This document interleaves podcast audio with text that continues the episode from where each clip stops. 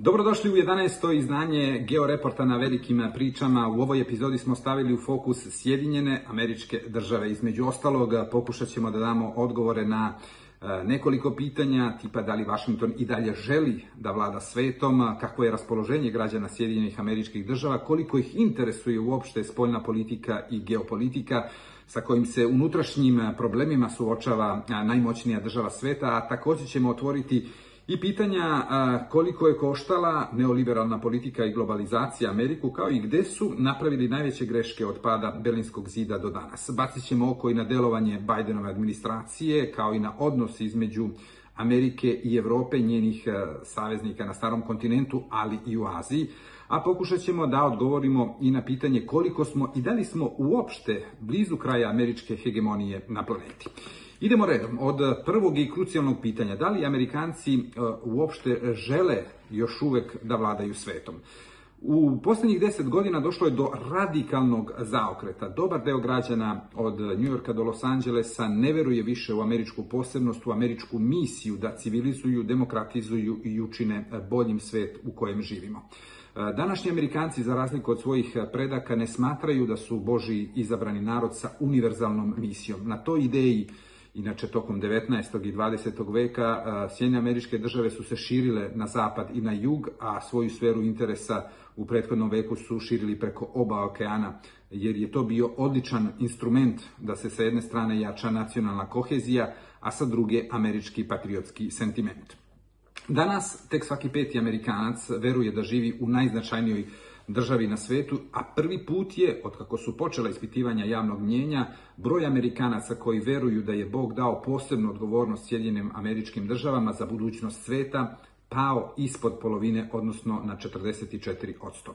Amerikanci ne samo da se ne osjećaju više posebnim, već ih i ne interesuje mnogo da budu lučonoše planete. A da sve bude gore, velika većina smatra da Sjedine američke države idu pogrešnim putem, ali ne mogu da se slože oko toga koji bi put bio ispravan i odatle proizilaze mnogi problemi u današnjoj Americi. Kakav je, odnosno šta je unutrašnji strukturalni problem Sjedinjenih američkih država? Amerika ima strukturalni unutrašnji problem jer nije više u stanju da brzo i efikasno rešava unutrašnje krize i nema recept da zaustavi kreiranje podnacija koje na srednji, a pogotovo na dugi rok mogu da budu kancerogeni za američko društvo i da budu izvor budućih secesionističkih pokreta. Da sve bude još kompleksnije, prvi put u istoriji Sjednjih američkih država e, imamo tri tipa krize koji koincidiraju u istom vremenskom periodu, što se ranije nikada nije dogodilo. Ekonomskom, društvenom i institucionalnom. Odnosno imamo tri tipa krize koji ranije su dolazili jedan iza drugog i dozvoljavali su američkoj administraciji, američkom društvu da ih jedan po jedan uspešno savladavaju i da očuvaju njihovu koheziju i da jačaju Sjedinjene američke države. E, George Friedman smatra da se ne događa dakle ništa što se već nije dogodilo Sjedinjenim američkim državama. Moglo bi se reći da svakih 40-50 godina one prolaze kroz krize iz kojih izlaze jače i renovirane. Tokom 20. godina 19. veka predsjednik Andrew Jackson je otvorio vrata ekspanziji na zapad koja je promenila u potpunosti tok istorije najstarije žive demokratije na svetu. Od 1861. do 1865. godine se vodio građanski rat, zatim je 50. i kusur godina kasnije e, stigla na scenu velika depresija, iza nje i New Deal koji je preporodio Sjedinjene američke države. Krajem 60. i početkom 70. godina došlo je do epohalne promene u borbi za građanska prava afroamerikanaca i tektonskih poremećaja, odnosno promjena u društvu e, Sjedinjenih američkih država. I danas je u toku, dakle, nova ciklična kriza u kojoj Amerika pokušava da redefiniše unutrašnje odnose i svoju ulogu na planeti. Dakle, sa jedne strane da sredi unutar sebe odnose između različitih e, struja, a sa druge strane također i da redefiniše svoju poziciju u planetarnim okvirima. Od kraja hladnog rata Sjedine američke države praktično su u potrazi za novim ciljem i smislom postojanja njihove neformalne imperije. Nedostaje im rival, dovoljno jak da bi bio kredibilna opasnost po opstanak sad, jer za američku unutrašnju koheziju je potrebno postojanje neprijatelja. Bez spoljnog neprijatelja Amerika neizbežno počinje da se bavi sobom i unutrašnjim neprijateljima, što je mnogo opasnije za unutrašnju koheziju i budućnost samih Sjedinjenih američkih država. Zato je Amerikancima potrebno da ponovo imaju strah od nekoga ili nečega što bi ih iznova ujedinilo i od njih napravilo kompaktnu naciju. Amerika je već duže vremena umorna od zadatka da bude svetski policajac i oko toga nema mnogo sumnji. Međutim, imperije kao što je američka nemaju pravo na umor, a još manje imaju pravo na godišnji odmor od imperijalne uloge, između ostalog i zato što bi njihovo mesto, onog momenta kada bi ih napustili i ostavili upražnjenim, sigurno neko zauzeo i to se Amerikancima svakako ne bi svidelo. Šta Amerikanci u ovom momentu traže od svojih političara, od svoje dve najveće partije, demokratske i republikanske. E, velika većina e, građana Sjedinjenih američkih država traži pre svega e, rasterećivanje od imperijalnih obaveza i promenu politike globalizacije, traže reindustrializaciju Sjedinjenih američkih država i smanjenje vojnog angažovanja u svetu. Između širokih e, narodnih masa i establishmenta takođe postoji i razlika u percepciji e, ključnog planetarnog neprijatelja, odnosno takmaca Sjedinjenih američkih država. Za široke narodne mase to je Kina, za establishment to je i dalje Rusija, mada i tu imamo podelu unutar samog establishmenta, jer jedan deo takođe smatra Kinu ključnim neprijateljem, ne samo u budućnosti, već u ovom momentu.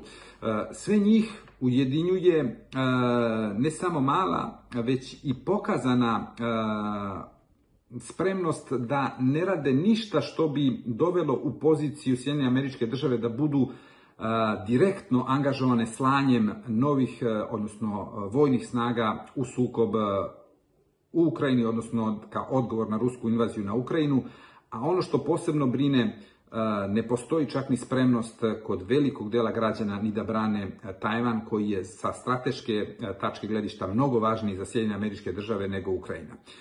Američki građani sve manje veruju u institucije, mainstream medije i čak i vojsku. Prvi put od osnivanja oružanih snaga više od četvrtine mesta za nove regrute ostalo je nepopunjeno u jednoj godini. Marinci više ne bude entuzijazam među mladima kao nekada, a čak 9 od 10 e, mladih Amerikanaca koji ispunjavaju uslove da stanu pod oružje ne žele da uđu u vojne snage. To objašnjava zašto je sve više ekstremista u vojnim snagama i zašto je 131 od 968 osoba optuženih za napad na Capitol Hill 6. januara 2021. godine prošlo kroz redove američkih vojnih snaga i zašto je bila moguća afera Discord uh, i da Jack uh, Teixeira, uh, protagonista glavni te afere, bude regrutovan za obaveštajnu službu imajući u vidu njegov background i njegove političke ideološke pozicije. Amerikanci i spoljna politika. Spoljna politika nije nikada previše interesovala američke građane, a zvanični Washington je bio uvek razapet između dva suprotna pola. Na jednoj strani su bili oni koji su zagovarali misionarsku ulogu Sjednjih američkih država ili takozvani internacionalizam, dok na drugoj strani su bili oni koji su se e, opredeljivali, odnosno zagovarali politiku izolacionizma, odnosno da Sjedinjene američke države treba da se bave samo sobom, a da sudbinu sveta ostave drugima. U svakodnevnim debatama na drugoj strani Atlantika, uh, Ukrajina, Tajvan, a ni Pentagonova upozorenja da Sjedinje američke države ne mogu da vode dva paralelna rata na različitim meridijanima nisu glavne teme. Debatuje se o abortusu, slobodnoj prodaji oružja, diskriminaciji manjina, uh, toaletima za transrodne osobe, migrantima, zidu na granici sa Meksikom ili, kao što je to bio slučaj u poslednje vreme, kako će se finansirati državne službe, odnosno da se izbegne default koji je na kraju bio i izbegnut. Amerika, dakle, e, ne može da bude napadnuta sa kopna. Kanada je previše miroljubiva, Meksiko beznadežno korumpirana zemlja i totalno dezorganizovana, što znači da egzistencijalna pretnja može da Sjedinjama američkim državama dođe samo sa dva okeana. Oba svetska rata, kao i hladni rat, su se u suštini vodili za prevlast na vodenim putevima. E, postoji unutrašnji konsenzus da Sjedine američke države e, ostanu na evroazijskom kontinentu i da ojačaju savezništva sa Evropskom unijom kroz NATO i sa azijskim zemljama kroz različite programe tipa AUKUS ili QUAD, pogotovo onima koji izlaze na Indo-Pacifički okean i eto zbog čega Kina se boji od takozvanog stvaranja azijskog NATO-a, odnosno nečega što bi ličilo na Severnoatlantsku alijansu u azijskoj salsi u nekoj bliskoj budućnosti. Prva, dakle, e, u funkciji kontrolisanja, odnosno kao što smo rekli, e, kontrola nad evroazijskim kontinentom ima nekoliko ciljeva. Prvi je, dakle, da se kontroliše Rusija, drugi, dakle, kada se govori o Aziji i o stvaranju tog takozvanog e, NATO-a sa azijskim pečatom je da se stavi pod kontrolom Kina, to jest da se onemogući da rivali Vašingtona ojačaju svoje pozicije u Evroaziji, jer ono što Amerika ne može da dozvoli upravo izdizanje bilo kakvog hegemona koji bi bio u stanju da vlada evroazijskim prostorom. Američka imperija e, nema smisla, dakle, e, bez Evrope kao njenog pivota. Bez starog kontinenta Amerika je samo izolovani kontinent i to u Vašingtonu oni koji se bave geopolitikom i koji sede u Pentagonu vrlo dobro znaju što naravno ne mora da znači da se poklapa sa razmišljanjem većine građana Sjedinjenih američkih država, odnosno upravo se to i događa da oni jednostavno nemaju percepciju koliko je to važno za budućnost samih Sjedinjenih američkih država. Amerika će biti, dakle, upravo zbog toga, zbog balansiranja između onoga što je neophodno za čuvanje tog hegemonskog statusa i vođenje računa o raspoloženju većine građana u Sjedinjenim američkim državama, mnogo selektivnija u upotrebi vojne sile nego što je to bila u posljednjih nekoliko decenija, pogotovo posle pada Berlinskog zida. Dakle, prioritet je da se deluje dovoljno ubedljivo i dovoljno odlučno prema Kini kako bi u Pekingu stavili ad acta invaziju na Tajvan. E, zbog toga će Sjedinjene američke države samo u krajnjoj nuždi povećati kontingent vojnika u Europi, dok će na Srednjem i Bliskom istoku pokušati da ostanu po strani u potpunosti, a takođe će pokušati da ostanu, kada je u pitanju slanje vojnika, u potpunosti e, po strani e, i kada govorimo o ruskoj invaziji na Ukrajinu, odnosno neće slati vojnike u Ukrajinu. Dakle, zaštićena sa dva okeana, sa miroljubivom i pacifikovanom Kanadom na severu i sa slabim, haotičnim Meksikom na jugu, Sjedinje američke države imaju geostratešku prednost koju je Winston Churchill definisao kao privilegiju da naprave mnogo više grešaka pre nego što ubodu pravi potez za razliku od svojih planetarnih takmaca koji svaku svoju grešku skupo plaćaju ili ako ne plate prvu onda sigurno drugu. Zbog toga Sjedinje američke države imaju tu komparativnu prednost. Tako je bilo u prošlom veku, tako je i danas i tako će biti verovatno i u sledećem veku. Zašto Amerika više ne uliva strah autokratama, odnosno zašto je izgubila moć da deluje samo njena pretnja, samo njeno postojanje, odvraćajuće na njene neprijatelje. E, veliki problem na međunarodnom planu za Vašington je upravo ta slabija moć da deluje odvraćajuće na svoje glavne takmace. Rusija, Kina, ali i Turska u poslednje vreme su napravili nekoliko poteza koji bi bili nezamislivi pre 20 ili 30 godina. Rusi su intervenisali u Gruziji, Ukrajini, Siriji, Libiji. E, Kina je prekršila ugovor o autonomiji Hong Konga, izgradila je veštačka ostrava u Južnom Kineskom moru da bi mogla da proglasi svoju ekskluzivnu ekonomsku zonu i redovno preti invazijom na Tajvan. Turska, s druge strane, je intervenisala u Libiji, Azerbejdžanu, Siriji i praktično je stavila pod protektorat Somaliju s ciljem da kontroliše Moreuz Bab El Mandeb, dakle jedan od ključnih Moreuza uz onaj je u Maleziji i takođe Suetski kanal u Egiptu. Primer mm, kosovskog premijera Albina Kurtija je takođe emblematičan. Pre par godina kosovski premijer koji bi odbio tako eksplicitno i javno poslušnost Vašingtonu, teško da bi mogao da preživi politički duže od nekoliko nedelja. Kurti misli i ne samo da može da preživi, već i da može da izađe kao pobednik i pored toga što ima protiv sebe zvaničnu politiku Vašingtona. Ako se to dogodi, dakle čak i ako Kurti izađe kao pobednik, to neće biti izraz slabosti Amerike naravno, već jednostavno njene nezainteresovanosti, a iz te nezainteresovanosti onda proizilazi jednostavno i slabljenje njene takozvane odvraćajuće moći. Da li su Amerikanci naučili dobro lekciju Rimskog carstva sa kojim često vole da se porede? Mnogi su pokušavali da imitiraju rimsku imporiju u prošlosti, ali mogli bi da kažemo da su samo Sjedinje američke države uspele u tome, odnosno niko posle Rimskog carstva, znači ni jedno drugo carstvo po vojnoj, ekonomskoj, naučnoj, kulturnoj, u širem smislu naravno, nadmoći u planetarnim istorijskim okvirima američka imperija može da se kaže da je jedina stala uz rame sa rimskom. Kao što je Octavian August maskirao svoju imperiju plaštom republike, tako i Sjedinje američke države nisu nikada formalno prihvatile zvanje imperije. Motiv se nalazi u klici nastajanja Sjedinjenih američkih država jer su očevi osnivači bazirali novu državu na pojedincu, na građaninu. I američka posebnost je upravo u njenoj inkluzivnosti, koja se ogleda u mitu o američkom snu raširenom na svakom meridijanu. Niko danas ne sanja da živi i ne postoji niti ruski, niti kineski san, već postoji samo američki san i on je baziran na građaninu, odnosno na pojedincu koji uspeva da realizuje svoje životne želje i životne ciljeve. Međutim, prvi put od uspostavljanja jeli, neproglašene, neformalne američke imperije, sva tri njena postulata su pod znakom pitanja unutrašnja kohezija, zapad koji Sjedinjene američke države personifikuju i e, misija demokratizacije sveta e, koju je previše od 100 godina lansirao Woodrow Wilson uvođenjem Amerike u Prvi svjetski rat.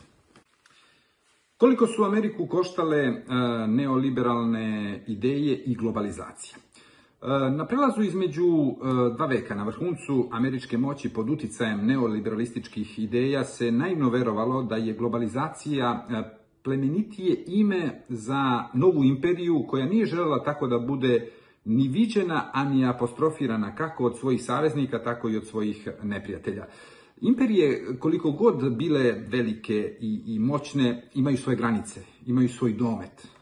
Globalizacija, bar se tako verovalo, ne. I zato je bila toliko privlačna kao sredstvo za vladanje svetom. Administracija predsjednika Bila Clintona, dobar deo establishmenta i inteligencije, bio je čvrsto uveren da tržište, trgovina i ekonomija su solucija za sve probleme. I pored toga što nije bilo dokaza da međunarodna trgovina, ekonomska povezanost proizvode dovoljne količine hrane, mira, demokratije i slobode za sve. E, globalizacija se pokazala i kao veliki bumerang za američku e, geopolitičku, vojnu, tehnološku, ekonomsku i finansijsku poziciju. Umjesto da bude e, neka vrsta specijalnog provodnika američkog stila života, slobode i demokratije, globalizacija je postala oružje u rukama neprijatelja Amerike, odnosno Kine, u njenom nastojanju da dostigne Sjedinjene američke države u ključnim sektorima od talasokratije do novih tehnologija i dovede u pitanje, naravno, na kraju krajeva i hegemonsku poziciju Vašingtona. Amerika je u Sovjetskom savezu imala idealnog protivnika, dovoljno jakog da deluje kohezivno na američko društvo i na saveznike, a taman toliko slab da ne predstavlja ozbiljniju pretnju. Bez komunističke imperije, opijeni dakle iznenadnom pobedom u Vašingtonu su zaboravili na 11. septembar ne 2001. godine koji će tek doći kasnije, već na ona iz 1773. godine, odnosno kada je Benjamin Franklin objavio satirični esej sa veoma indikativnim naslovom. Pravila po kojima velike imperije e, mogu da se svedu na malo. E, naravno, Imperija na koju se referisao eh, Franklin je bila Velika Britanija, a ne Sjedinjene američke države koje tada nisu ni imale taj status.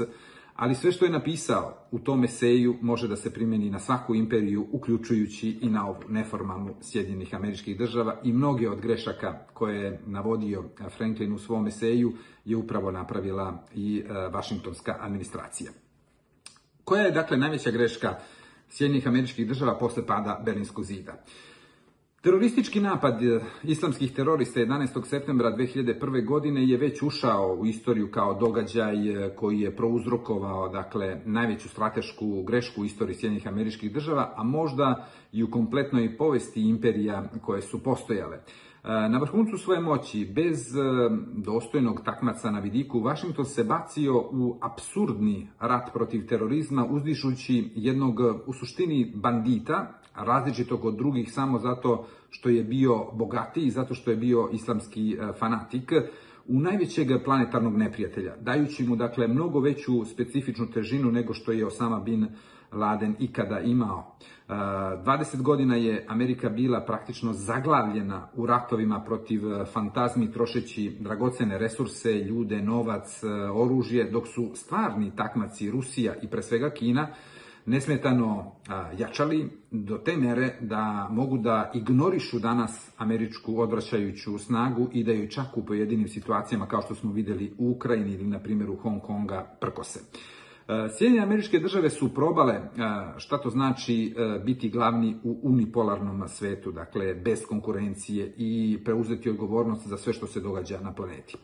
Ta uloga se nije svidela pre svega američkim građanima, a zatim i dobrom delu američkog establishmenta, jer nisu dobili nikakvu satisfakciju, a platili su visoku cenu. Unipolarni svet nije moguće, ne zato što su Kina i Rusija ojačale, već zato što nije izvodljivo upravljati svetom sa više od 8 milijardi ljudi i tendencijom daljeg rasta, jer do kraja ovog veka sigurno će e, biti preko 10 milijarda, e, milijardi ljudi na, na planeti.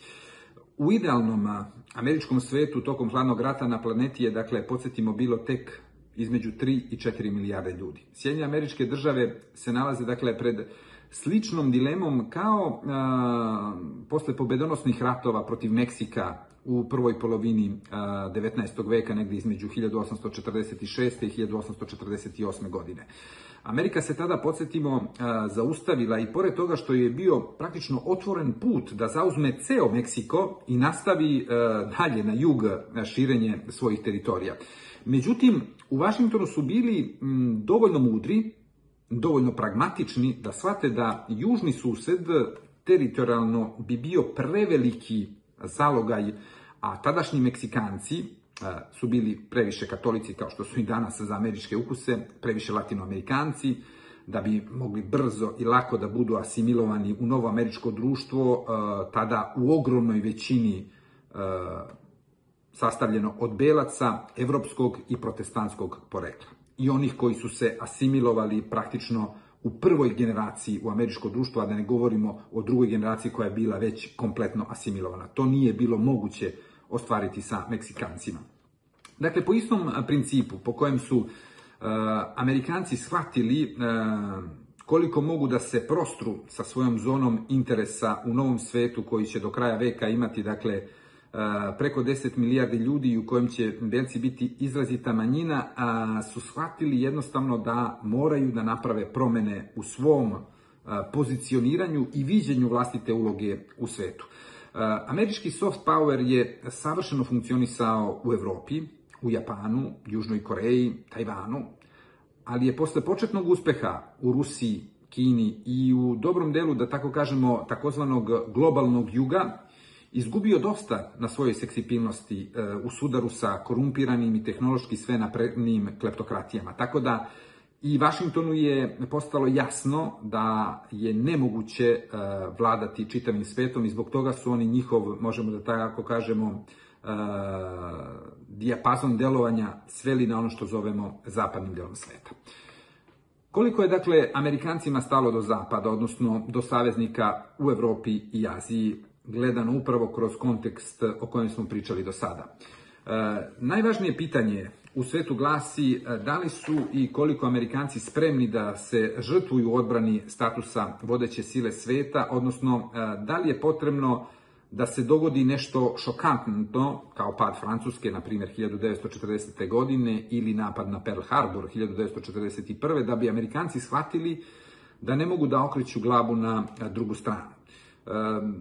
Postavlja se pitanje da li uopšte e, postoje crvene linije za Washington, budući da su sve prethodno postavljene, prekoračene bez adekvatne reakcije. Uvođenje ekonomskih sankcija je prilično besmisleno protiv političkih vođa koji bez pardona šalju desetine hiljada ljudi u smrt i pritom su uspeli da naprave njihove saveze koji predstavljaju takozvani onaj drugi deo planete e, koji je komponovan praktično od autokratskih i kleptokratskih režima.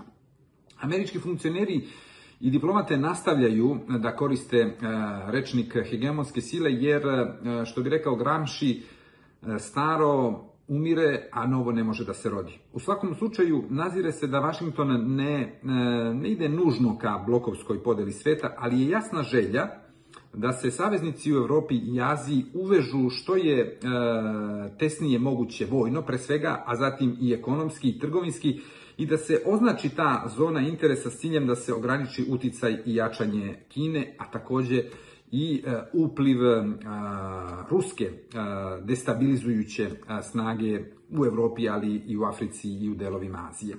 E, ne bi bilo, dakle, prvi put, jel to takođe treba naglasiti, da Sjedine američke države e, okrenu glavu na drugu stranu dok ostatak planete gori. Mm, podsjetimo, Amerikanci su u prvi i drugi svetski rat ušli nevoljno i protivno raspoloženju javnog mnjenja koje nije želelo da se meša u zavrzlame, kako su oni ga nazivali, starog sveta.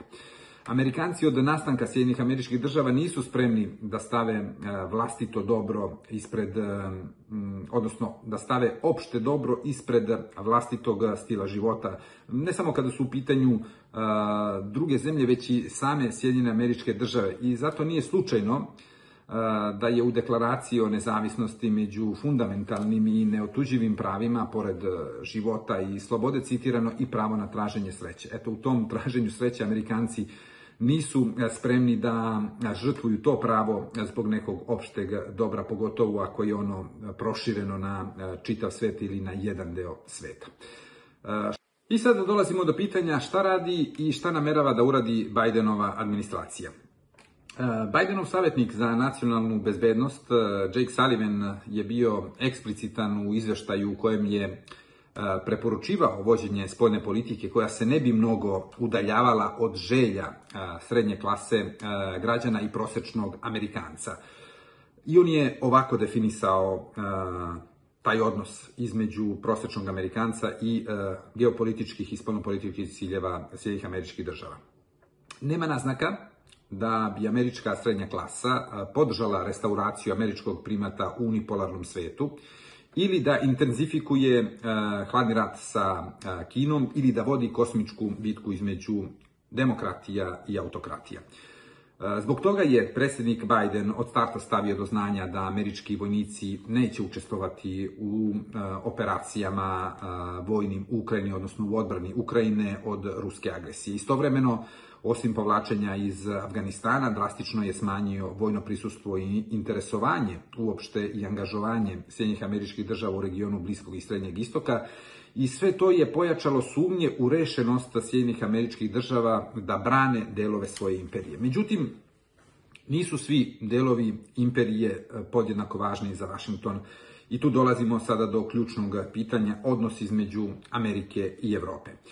Eh, Joe Biden je eh, verovatno poslednji američki predsjednik sa jakim evropskim korenima i koji pripada grupi političara eh, na potezu od Capitol Hilla do Bele kuće i od State Departmenta do Pentagona, koji shvata da je usidrenost Amerike na starom kontinentu kondicio sine qua non za hegemonsku poziciju u svetu. Mm, generacije novih političara, posebno one koji ističu svoje latino američke, azijske ili afričke e, korene, jednostavno to ne vide tako. I to se može videti upravo kroz tu razliku koja postoji između njihovog načina vođenja izbornih kampanja i onih koji imaju evropske korene, poput, na primjer, Rona DeSantisa, koji pokušava da ih sakrije ili ih ignoriše, kao što on radi sa svojim italijanskim korenima, jer je uveren da to može samo da naškodi njegovim političkim uh, ambicijama. Nije iznenađenje. E, treba da imamo u vidu i efekte takozvane cancel culture i e, novih pokreta koji žele da e, jednostavno izvrše reviziju istorije Sjedinjenih američkih država, jer Kristoforo Kolombo je u krugu od nekoliko godina od nacionalnog junaka postao kandidat za danaciju memorije sa ljagom optužbe da je začetnik robovlasništva u Americi, a ne moreplovac koji je otkrio američki kontinent. E, Umeđu vremenu dolazi i do smene generacija u oba kongresa, u oba doma kongresa, predstavničkom domu i senatu. Dakle, sa scene odlaze političari koji su odrastali tokom hladnog rata i još uvek su imali jake veze sa starim kontinentom i prilično evropocentrične stavove u spoljnoj politici naravno, a dolaze kongresmeni i kongresmenke sa drugačijim prioritetima. Mlade demokrate vide glavni problem u klimatskim promenama, na globalnom nivou, a junoše među republikancima su više fokusirani na Kinu, ali ne da bi branili Tajvan, nego da bi zaustavili krađu intelektualne svojine i industrijskih tajni, odnosno da bi u oblasti novih tehnologija sačuvali dominantnu ulogu Sjednjih američkih država i ostavili Kinu tu uvek iza sebe.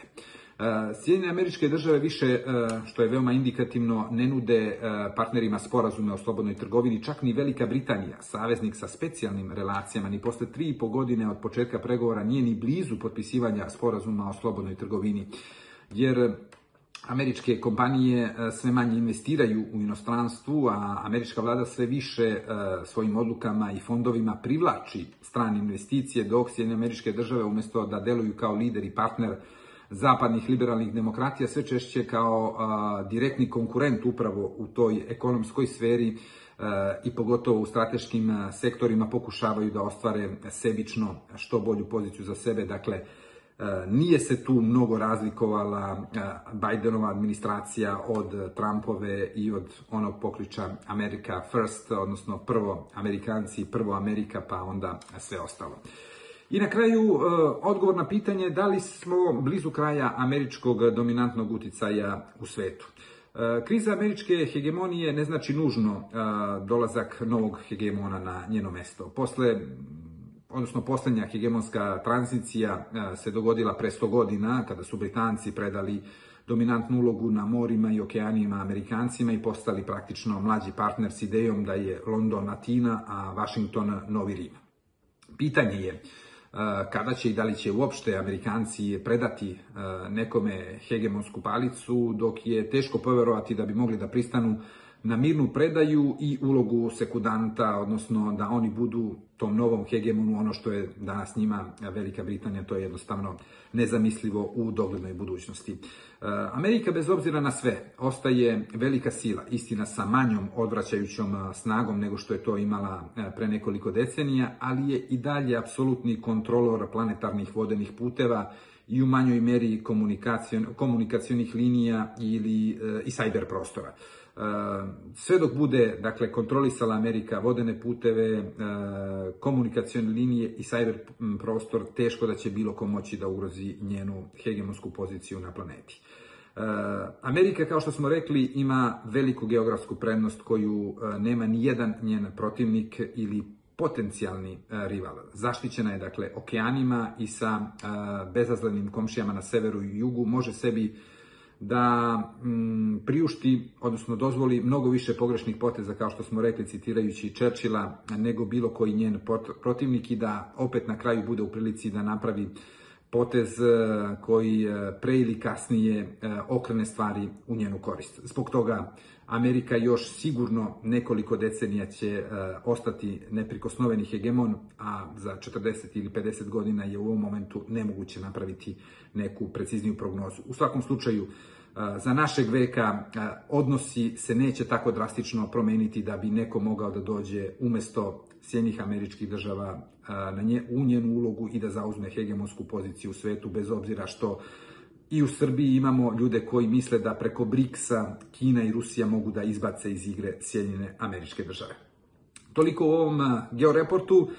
U sledećem ćemo pričati o Turskoj, ali ponovo ćemo reći i nešto o onome što se događalo u Srbiji, na Kosovu i o novoj geopolitičkoj podeli unutar same Evropske unije i o ciljevima koje danas trenutno imaju najvažnije zemlje članice Evropske unije, pogotovo Nemačka i Francuska. Do sledećeg slušanja i gledanja.